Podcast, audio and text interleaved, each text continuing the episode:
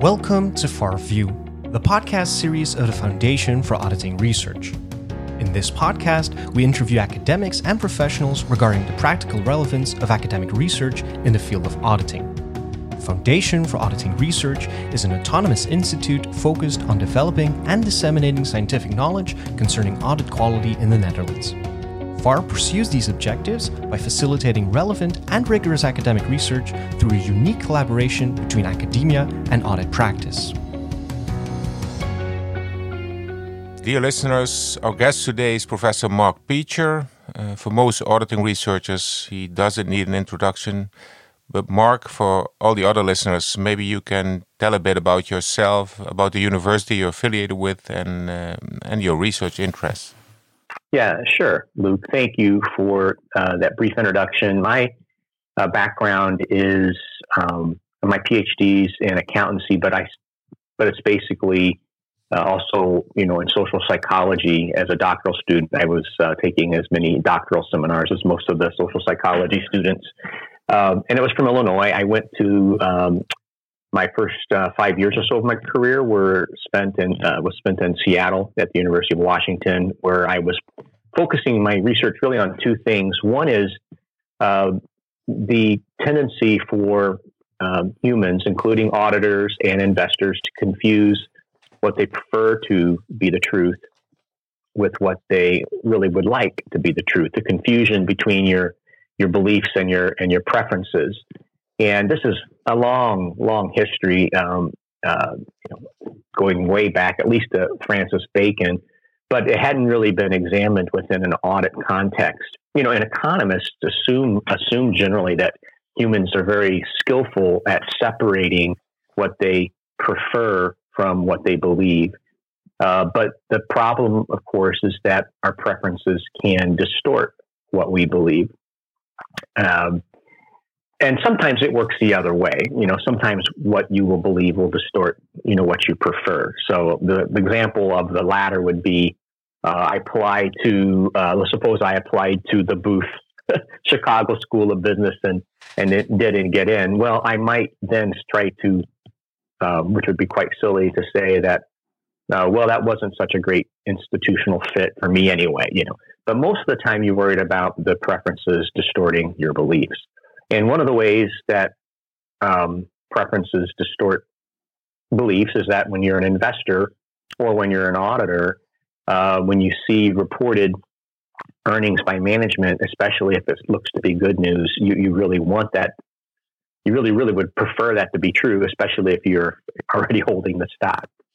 And so you, um, so really, this really dovetails nicely into one of my other um, uh, areas of interest, which is this whole concept of, and you studied this too, professional skepticism within the audit profession, and how that can be potentially a, a, a tool that we can use to help prevent the uh, preferences that we have, what we are motivated to believe um, from distorting our, our beliefs.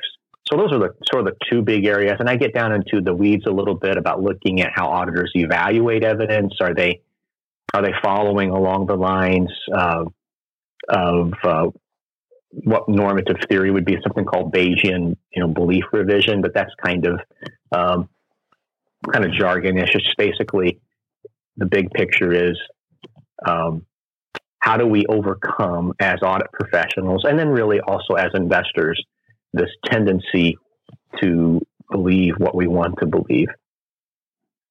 Okay, thank you. Uh, well, one of the areas this applies to, I guess, is the area of fraud. That's what actually the project is we're going to talk about uh, today a bit more. Uh, well, maybe maybe you could just you know sketch what percentage of auditor auditors actually encounters fraud in their career because I, I recall a couple of decades ago that it was not that often that auditors really encounter fraud. Uh, so maybe you can tell us a bit more about that. And maybe, uh, well, a related question immediately is how this topic has evolved uh, over the past decades. Yeah, sure.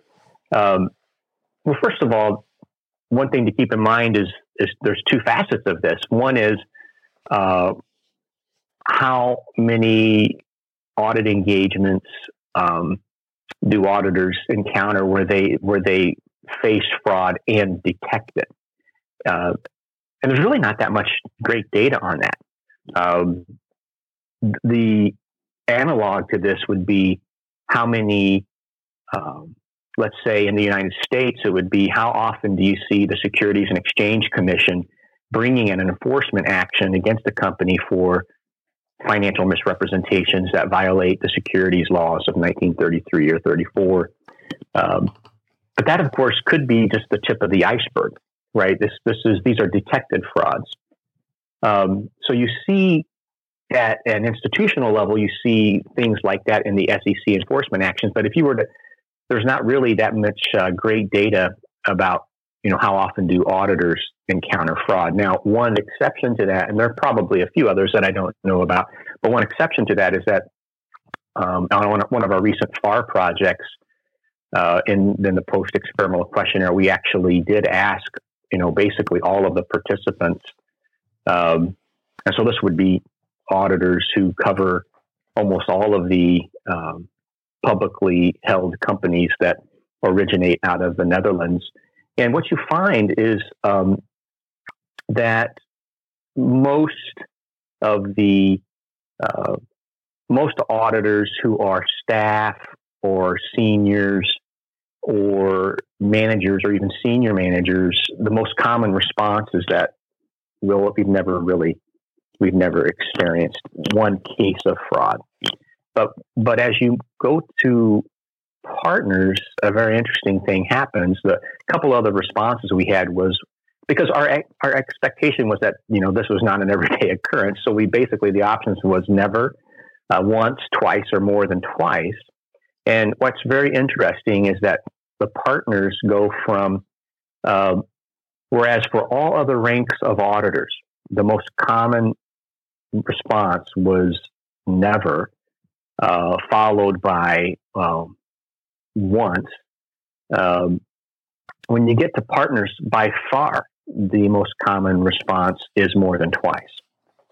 And so when we looked at that ourselves as a research team, we thought that, wow, what is really preparing the uh, generally younger auditors as they work their ways through these ranks from going from generally never having seen fraud to a partner where and we didn't ask them i don't think we said how many times i could go back and double check that but to have seen fraud you know more than twice. And the second most common response by the uh, partners was once uh, and and never was um, the third most common. But you had you had about um, over three times as many audit partners saying they had experienced financial statement fraud more than twice, more three times as many as who had never experienced it.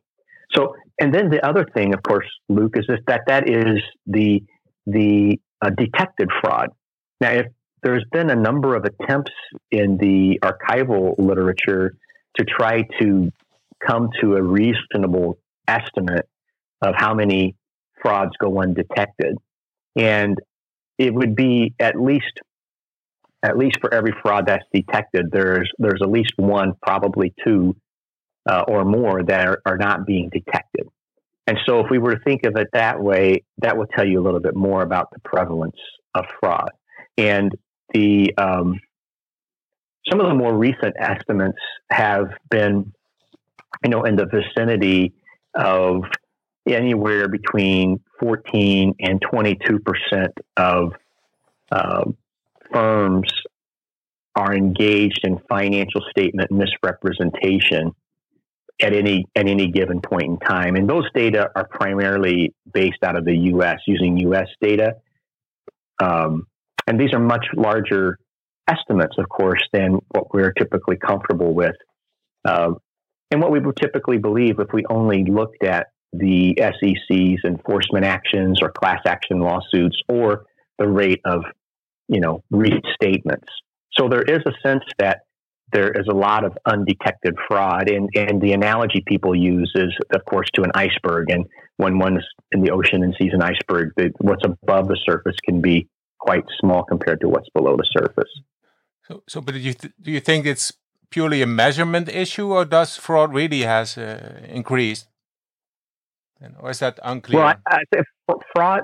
Well, no fraud. If you assume that the inspection regime's propensity to be, um, you know, proactive or thorough in its in its um, responses to leads about fraud, and you, assume that that's constant over time, you know, fraud the, the base rate of fraud does change over time. Uh, and actually, one of the things that uh, creates a um, uh, a chance for fraud to increase would be something that we're unfortunately facing right now, which would be the, market devastation and capital um, scarcity and liquidity problems caused by something like COVID.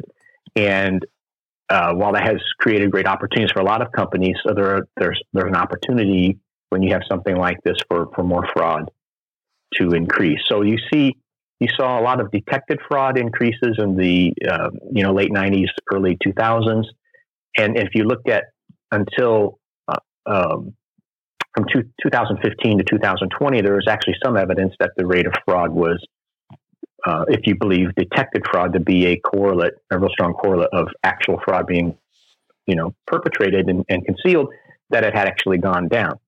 And uh, one big one big factor, uh, Luke, in the extent to which fraud will increase, stay the same, or go down is is um, of course the the state of our economy, but also the the um, the trust that people have and the basis for people to have trust in our in our, in our main institutions. And in, in, in the financial markets that would be you know the regulators and the the audit profession would be people that are out there examining the financial statements and if society has reason or believes they have reason to not believe in the functioning of uh, of the financial statement audit, you have two two concerns emerge. One, if if audits are not very well done, that gives opportunities for uh, fraudsters to commit and conceal fraud. But what it also does, which could actually be much more significant, is that uh, you know market participants price protect, and that they penalize the firms that are actually trying to engage in honest dealings, uh, because there's a concern that uh, they are uh, lying and being deceptive when in fact they are not. And it's outside of financial reporting, but you see the importance of strong institutions in two places uh, today. One very globally, and one salient more to the United States. The the global one is is to what extent do uh, common citizens of at a range of education believe that the vaccines coming out for COVID uh, are safe, and they believe that to some extent it's very determined by the trust that they have in these institutions that are supposed to be the watchdogs over the vaccination um, testing process, and and it's interesting that here we have uh, vaccines that um, that are quite safe. The data suggests amazing safe vaccines, but you have a number of people who are actually worried about taking it because they think it may not be safe. Uh, it's really interesting that at the same time we have a call for auditors to be more professionally skeptical. One problem we have in society because of a lack of trust in institutions is perhaps too much skepticism where it's not really warranted. And you also see that another critical area um, in the United States and it, know, since it's the United States, it gets a little bit of the world's attention, and it probably gets distorted or viewed in different ways in different parts of the world, depending on the news. But there's um, some quite controversy about how uh, trustworthy election returns are, and depending on who you talk to, there's some controversy about it. And it ranges from some parties thinking that it was baseless allegations of fraud to other parties saying, no, there's really strong evidence of fraud in the voting and you even had something that was quite un- unique in the United States, where one state, uh, the state of Texas, brought a suit uh, alleging that there was so much unreliability going on in, in four other states that it wasn't really fair for them. And it didn't get held. It didn't get ultimately heard by the Supreme Court. But that, that's the point here. The point here is that if we were to lose trust in the audit profession, and in the regulators of the audit profession. Uh, in places like the Netherlands or other parts of the world, you go suddenly from a case where maybe the reason there's a lack of trust in those institutions is that the audit professionals were not sufficiently skeptical or were not sufficiently skillful at finding fraud to you go to the opposite problem where people are so concerned about the uh, financial uh, reporting of honest companies engaged in good dealings that they that they can't get access to the capital that they want or they can't get access to the capital that they want at a price that makes any sense to them. Yeah. Well, the elections are a different story, I guess, but it's probably related to the cognitive dissonance we're going to talk about, right? uh, oh, I think so. Yeah. Okay, let, us make a step to your FAR project. Uh, well, I think your, your, your, the basic data come from companies' earnings calls, and uh, and you look at whether auditors are able to recognize potential fraud uh, from these earnings calls.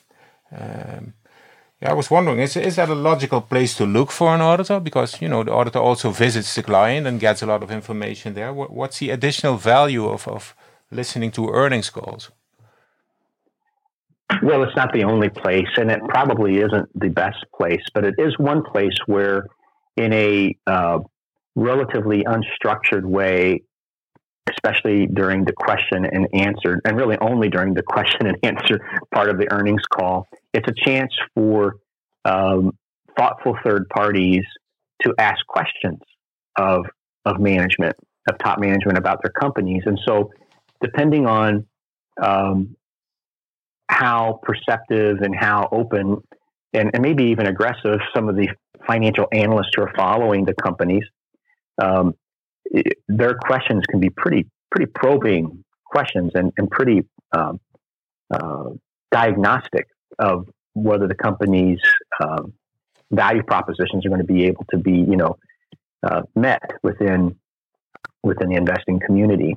So one reason we use earnings calls, there is evidence suggesting that earnings calls, especially the Q and A portion, do contain uh, diagnostic evidence, incremental diagnostic evidence at least compared to evidence that's publicly available. Of course, we don't really have a good pulse on whether auditors, by virtue of their really somewhat insider's view of management, uh, if there's another other conversations that they could have with management, narratives that they could have with management that would be equally or even more diagnostic. And it may not even be with management. As you as you know, one of the best things that auditors sometimes can do is to ask questions of other you know individuals within these organizations. So earnings calls, however, it was uh, important to look at not only because they contain diagnostic information, and there's archival research that shows that to be the case, either in the form of the particular words being uh, selected by uh, CEOs and CFOs and such, but also because of the cadence or the the tone of their voice. There's a voice, uh, basically, uh, voice recognition software that can tr- pick up on cognitive dissonance. Um, that in turn is a correlate for fraud. So the way I would answer your question is that earnings questions are a publicly accessible venue for third parties and, and also our auditors to take stock of probably to a greater extent than has his, historically actually been done of the likelihood of misrepresentation. And when we look at earnings calls, um, we have, uh, you know, an evidence uh, setting that all public companies, in pretty much, you know, in most parts of the world, they have to participate in, and it's so it's therefore something that uh, you know auditors should should pay close attention to, and it's gotten this, the attention of audit standard setters to different degrees. So, for example, in the United States, the audit firms uh, there's an explicit recommendation by the Public Company Accounting Oversight Board to listen to earnings calls. In the international uh, auditing standards, the IAASB, they they they mention the kinds of information that one would learn about from earnings calls but I can't really find anywhere in the standards that they they sort of recommend or rec- much less require auditors to listen to earnings calls. Okay, thank you. Uh, well, one of the basic ideas in in your study is that auditors find it hard to accept uh, that that their client will commit fraud. So, th so the result is, and that's your hypothesis uh, or one of them, that they will explain the fraud possibility away, and then they will act as if there is no fraud. Uh, well, of course, you have theory for that, but I was, uh, for now, might be interesting to know whether you're whether you were triggered by actual events where this happens. Have you have you seen this in practice, or did you speak to auditors who would tell these kind of uh, stories? Well, um, it's really a it's really a widely um, accepted idea in psychology, and it goes back to something I've been studying for, um, you know, a couple of decades. The whole idea that um, your preferred, you know, outcomes and preferred states of the world can unduly influence what you believe about the world, and your preferences. And so, one factor is well, how strongly do you have these preferences? Is this something that you really want to be the case? And so there's a subset of the literature out there that looks like looks at how you are especially reluctant to have beliefs about socially close others that um, are very aversive. So you know you can think of your best friends. Um, you can think of uh, you know one's partner in life or spouse in life, uh, siblings in life, and if they were to suddenly be shown, or maybe once, you know, pastor or something like that, or counselor, if they were suddenly shown to be uh, deceptive, that would be quite aversive. And and you hope, in most cases, they're they are not. Even in the high estimates of these, you know, frauds that I was giving, fourteen to twenty two percent, that still means, uh, you know, 78, 85 percent of you know companies are still not we're engaging in honest dealings. But so there's it's very um, it's very um, uncontroversial to hope to say that a part that unless there's something spectacularly different about people who self-select into auditing or who are trained as auditors, and it's a possibility, right? That maybe people who self-select into this profession have this ability to be uh, much more objective. Maybe there's something about the training of auditors, that, or you would think uh, the other places that you could look would be uh, police or detectives or intelligence agencies. And you actually see in some some police, by the way, um, their life experiences perhaps uh, jade them a little bit. And whereas most people have a truth bias, they tend to believe that others are much more truthful than they tend to be. Uh, you also see evidence that in the case of beat uh, police who work patrols, they tend to, if they have a bias, is to believe that, that, that they're lying. But in the audit profession, um, what what engagement partners uh, do is that they're you know in part because these relationships generally last for a long time and they have probably some really good evidence generally to come to believe that management is engaged in honest dealings and uh, there is concern that over the years that auditors do let their guard down and let their professional skepticism uh, wane. And that's kind of one thing that we do look at in the study. Um, one one example from the data that we've seen so far is that um, partners who are not the engagement partners listening to the call uh, become more concerned about the possibility of fraud than, and, and especially in proposing audit actions to address this risk of fraud than the partners who are actually engagement partners. And you know, we see the audit firms build in some some internal controls that the for their quality controls that they do this. They they, they mitigate this by having, um, you know, partners who are not the engagement partner do cold partner reviews. I mean, there's some things that already exist to hopefully uh, reduce the risk of this getting through the system. Mm-hmm. And, and how does the audit team help in going against these kind of phenomena. Because, right. Uh, well, the, the, there's one thing that could be very helpful uh, is that early on in one's profession, even though staff and seniors and managers and had not really ex- the most common cases that they had not experienced fraud, although some some some had, and some had more than once, is that they um, they do tend to come to the engagement with um, you know management is not nearly as socially close to them as management is to the audit partner. And so there is a very strong possibility that the whole idea of fraud being aversive and something to be avoided is is is not going to be as applicable to a staff auditor or probably even to a senior auditor. But as you start going up the the chain of command, it becomes more of a potential problem. So, you know, senior managers, that's often, and managers, I mean, that's often training grounds for being partners. And so they may start taking on some of this, uh, this heightened, you know, social aversion to the idea that my client is committing fraud. So, like what I'm saying is that although it's probably the case that staff and senior auditors do get a little bit too worked up about the possibility of fraud, but there's also a need for managers and partners to listen carefully when a senior comes to them and has some concerns.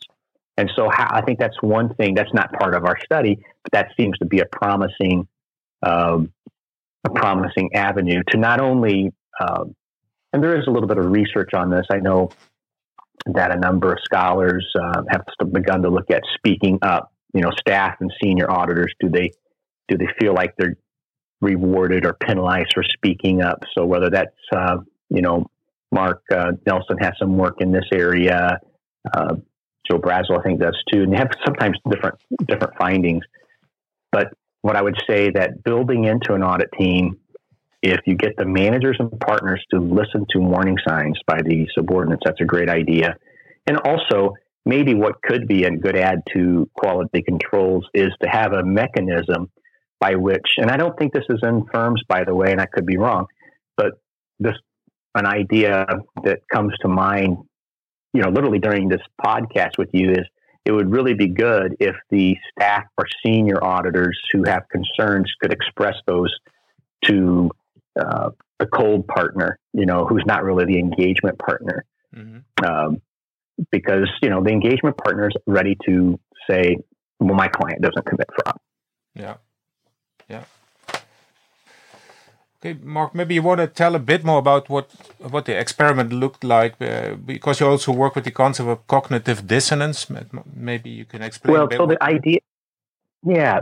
Thanks, Luke. So, so in this experiment, basically, uh, you know, all the um, members of an audit team listen to the earnings calls for their clients, but we also had some control condition participants who listened to these earnings calls even though they were auditors from the same firm, that particular client was not theirs. They were not on that engagement. And uh, basically, we asked them to provide an assessment of the risk of a material misstatement, you know, overall, but also due to fraud, uh, to start the um, to start out before the call to get sort of a pre-measure, and then we asked the same sort of thing after the call to get a post, you know, measure. And we also ask them um, about, you know, sorts of basically, you know, what steps need to be performed now as you have listened to this call uh, to address potential um, red flags that have emerged in this call that could suggest a heightened risk of fraud. And even during the call, we had mechanisms for them to jot down uh, notes about things that were concerning to them.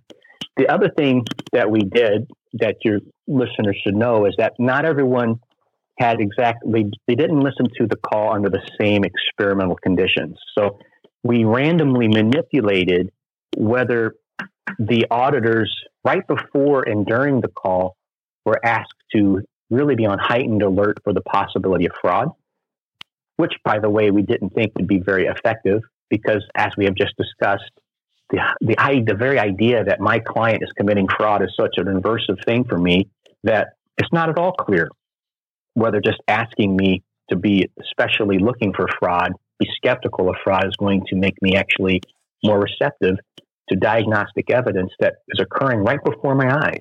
In other words, we could have some blind spots that are either created or they're amplified by simply asking auditors to watch for fraud, be skeptical of fraud.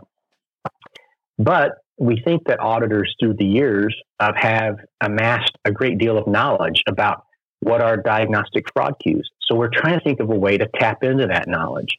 And so our workaround, and there's probably other workarounds, other things to look at, but what we look at is simply prompting the auditors to say, hey, when you watch this call, when you listen to this call, uh, be alert for signs of cognitive dissonance, which is an unpleasant emotion that one usually feels when you're saying something that you you're not sure that is true or that you believe to be untrue. It creates negative emotion, negative affect. And what we did not include in that prompt was this word fraud. We didn't include um, that at all. And so, although we asked everyone ultimately to assess the risk of fraud, we didn't beat that into the message early on. And so the idea was can we, and cognitive dissonance, by the way, this is an important part, is a correlate of deception. Okay, it's correlated with deception. When I'm being deceptive, uh, it tends to be that I'm exhibiting more cognitive dissonance, and that can manifest in the way that I carry myself, in the way that my voice either speeds up or slows down, and it might also show up in the way that I use different types of words. Uh, there's also literature in psychology showing that the ability to detect cognitive dissonance is actually um, um, higher in sort of middle-aged adults than it is in young adults. And there's not a lot of research in that area, but the research that does exist suggests that you know your managers and above would have a better raw ability to detect cognitive dissonance. But the advantage of the cognitive dissonance we thought going into this would be, hey, this is not going to trigger this um, w- uh, lack of willingness to be skeptical. So those are the different conditions. And there's one one case where there was neither the cognitive dissonance prompt nor the prompt to look for fraud. And there was one case where there was only one or the other. And then finally, there was a case where they had both. Mm-hmm. And so that's what we did. And we looked at it. And what we were really curious about, uh, Luke, was um, does the auditor's response to the earnings call systematically differ um, as a result of these prompts? And, and especially, does the does the coherence between auditors' risk assessments and what they say they need to do to address fraud, how does that change across these conditions? Okay. Could you maybe in a nutshell tell us what uh, what, what, what the findings are so far? Okay, so the findings so far basically show that so the auditors in the audience will know that when you, when you say that there's a heightened risk of fraud, then what you need to do is either change the nature, the timing, or the extent, something, or create some clever new test, perhaps even, or some clever analytics or new substantive test. When you think the risk of fraud is higher, you should do more to address it. And so, what we really do is look at this correlation between auditors' assessments of risk and what they do to address the risk. And what we basically find is that the only only condition in which there is a uh, strong uh, correlation. Um, and I would say it's even then it's still probably you know um, in the range of moderately strong is in the condition where we only prompt cognitive dissonance. In in other words, if you don't prompt the auditors at all, or if you prompt them to be alert for fraud, they might increase their assessments of the risk of fraud, but they don't correspondingly do anything on the plan testing side. Now, it could also be the case that they're not willing to increase the risk that they assess for fraud, but that they go in and that they change their uh, what they plan to do to address the risk. And that that we need to look at that. We haven't broken it out those two possibilities as cleanly as we need to. That's one thing that you know an auditor could do if they're being particularly shrewd. Is that um, you know I, I don't want to maybe assess the risk of fraud. I don't want to believe that that risk is higher, but I still might do more work. The thing is, it's hard to justify doing more work if you don't believe the risk of fraud is higher. So the only again the only condition when you see a correlation that's a strong correlation and, and, and for stat people out there, it's statistically significantly higher in the cognitive dissonance only prompt condition. So the place where a heightened assessment of risk is correlated with a heightened need to address that risk, it's only in the cognitive dissonance prompt. And that's true uh, after we include a large, you know, um, that's true for, first of all, for partners and non partners, although it's particularly true for partners. And when we include both prompts, it is the case that that presence of the fraud prompt completely undermines the helpfulness of the cognitive dissonance prompt in increasing to, to get that coherence between risk assessment and risk addressment.